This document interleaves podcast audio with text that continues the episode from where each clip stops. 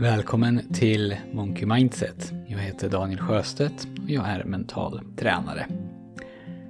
Dagens avsnitt kommer att fortsätta på ungefär samma ämne som de tre, fyra senaste. Och till det här avsnittet så har jag också gjort en liten arbetsbok som du får tillgång till genom att du signar upp dig på vår hemsida monkeymindset.se.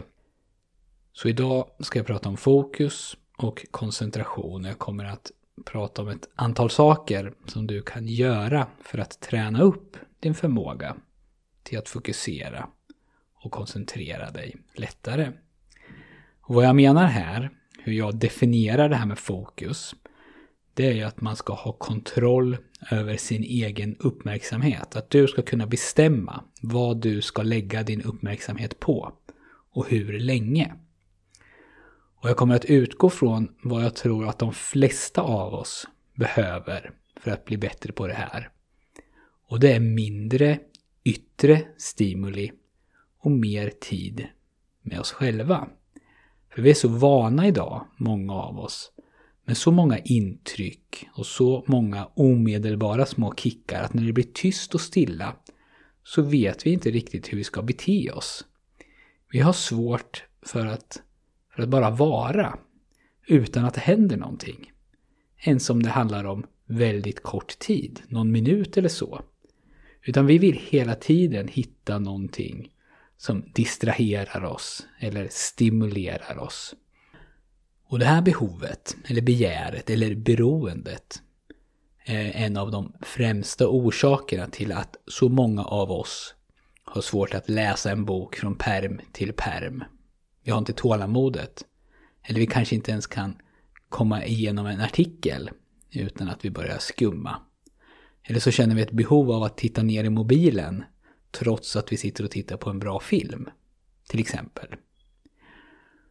Så om man vill komma till bukt med det här så behöver man lära sig att klara sig utan den här yttre stimulansen. Och när man gör det, när man blir mer bekväm med att ha tråkigt och kan befinna sig i det tillståndet, då börjar man ta kontroll över sin egen uppmärksamhet. Och det är det som är min utgångspunkt här. Det finns ju andra metoder för att förbättra sitt fokus och sin koncentrationsförmåga. Men idag så handlar det om det här, just att lära sig att stå ut med att ha tråkigt. Och att klara sig utan yttre stimuli. Så jag har satt ihop sju punkter som du kan följa. Jag kommer gå igenom de här punkterna väldigt snabbt, men det finns som sagt en arbetsbok. Mina första punkter, de handlar om mobilen. Punkt 1. Ta bort alla appar på din mobil som inte är absolut nödvändiga. Kanske inte då mobilt bank-id, sådana här appar som är krångliga att återställa. Men så mycket som möjligt av det andra. Och om du vill använda en app, till exempel kolla din mail, så kan du installera den och sen när du har använt den klart så avinstallerar du den. Och det här kommer innebära att du mer sällan bara plockar upp din telefon för att kolla den. Punkt 2. Inga lurar i telefonen förutom till samtal. Ingen ljudbok, inga poddar, ingen musik, ingen YouTube. Se om du kan klara dig utan att lyssna på någonting. Och punkt 3. Lägg din telefon på en förutbestämd plats när du kommer hem och låt den ligga kvar där. Punkt 4. Ingen TV och ingen dator eller surfplattor för nöjes skull. Så de fyra första punkterna, de handlar ju om att ta bort all skärmtid som inte tydligt är för nytta tas bort. Så mycket som möjligt av yttre stimuli tas bort. Punkt 5. Efter jobbet så ska du försöka jobba två gånger 25 minuter på någonting helt utan några yttre intryck. Och emellan de här två 25 minuters perioderna så tar du en rast på 5 minuter. Vad du kan jobba med det är till exempel att skriva någonting. Eller så kan du läsa någonting. Eller så kan du göra någonting. Plantera blommor, snickra, träna piano till exempel. Du ska göra någonting som är aktivt. Så att läsa en bok är aktivt. Men att lyssna på en bok, en ljudbok, det är passivt. Och lika, lika så att spela tv-spel.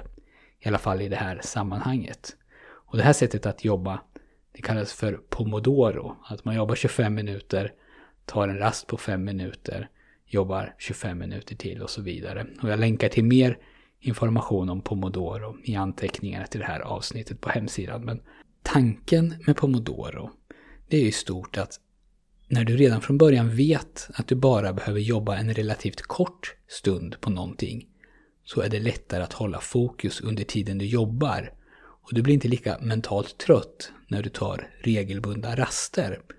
Och det funkar förvånansvärt bra faktiskt, så det är värt att testa. Punkt 6. Hitta två tillfällen per dag då du under fem minuter sitter med slutna ögon och bara räknar dina egna andetag. Du räknar från 1 upp till 10 och sen när du har kommit till 10 så börjar du om igen. Och om dina tankar ger sig iväg och du kommer av dig, vilket du kommer att göra, börja då bara om på ett igen. Och punkt 7, den sista punkten. Spendera minst 20 minuter per dag utomhus, helst i naturen. Och transporter räknas inte utan du ska vara ute bara för att vara ute. Och inga lurar i öronen då heller. Så punkt 5 till 7 handlar om att lägga till. Att göra sånt som på sikt ökar ditt välbefinnande och din förmåga att fokusera. Nu finns det nog några av er som lyssnar som inte förstår någonting, för ni kanske redan lever efter de flesta av de här punkterna. Och för er så är det här en icke-fråga. Men en majoritet tror jag tänker spontant att det här är omöjligt. Det är omöjligt och onödigt och dumt. För att ta bort alla appar på mobilen, det går ju, det går ju inte. Och det känns omöjligt att sluta ha lurar i öronen och det känns omöjligt att ta bort all skärmtid förutom sånt som skapar nytta. Och det kanske inte finns någon tid för promenad eller pomodoro-arbete. Eller kanske ens för två gånger fem minuters mindfulness. Ingen av de här förändringarna känns nog särskilt lockande. För jag ber ju dig att ta bort sånt som är enkelt, och som, som gör livet lite roligare. Och lägga till sånt som är tråkigt och jobbigt och i någon mån kräver en uppoffring. För mig personligen så tänker jag på de här sakerna. Poddar, ljudböcker, YouTube till exempel, som jag använder ganska mycket. Det är sånt som sätter färg på tillvaron, som gör det lite intressantare. Och när jag gick min promenad i morse och bestämde att lämna telefonen hemma så kände jag ganska starkt att jag inte ville göra det. Det är grått ute idag och att gå utan att lyssna på något skulle göra det ännu gråare. Men om jag vill ha förändring i mitt liv så behöver jag börja göra saker annorlunda. Om jag vill ha en starkare kropp och går till en personlig tränare så kan jag inte samtidigt fortsätta att äta på McDonalds fem dagar i veckan. Trots att det är lättillgängligt Trots att jag tycker att det är gott. Trots att det är det som jag är van med och känner mig trygg med. Och att införa en ny kost, till exempel, kommer troligtvis att kännas jobbigt och tråkigt. Och många gånger så kommer jag, i stunden som begäret kommer, inte tycka att det är värt det.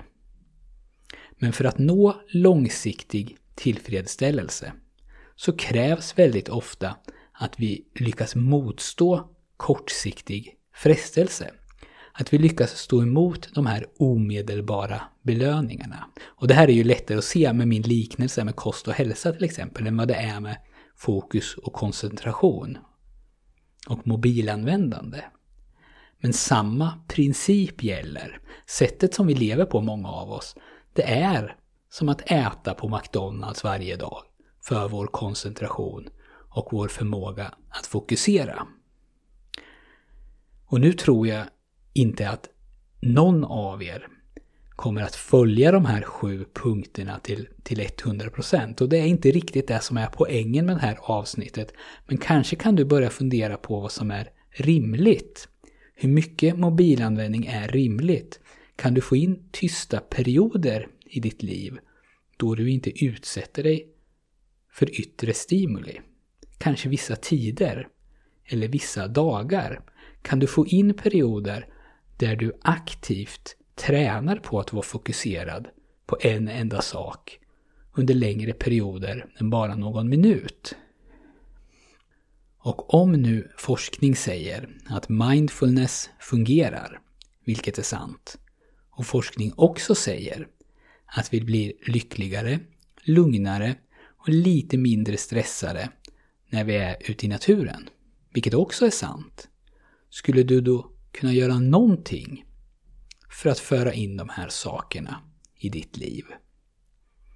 Om du är beredd att ta en titt på det här vad gäller ditt eget liv så har vi alltså sammanställt de här punkterna i ett dokument.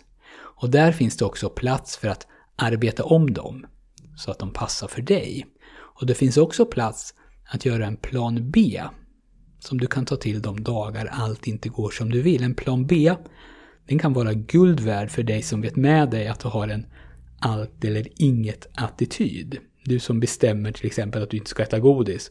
Men så fort du tar en enda bit så känns allt förstört och du äter upp hela påsen.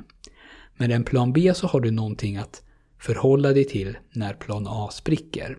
Om din plan B är att äta 10 godisbitar så minskar risken dramatiskt att en godisbit innebär att du äter upp ett halv kilo godis.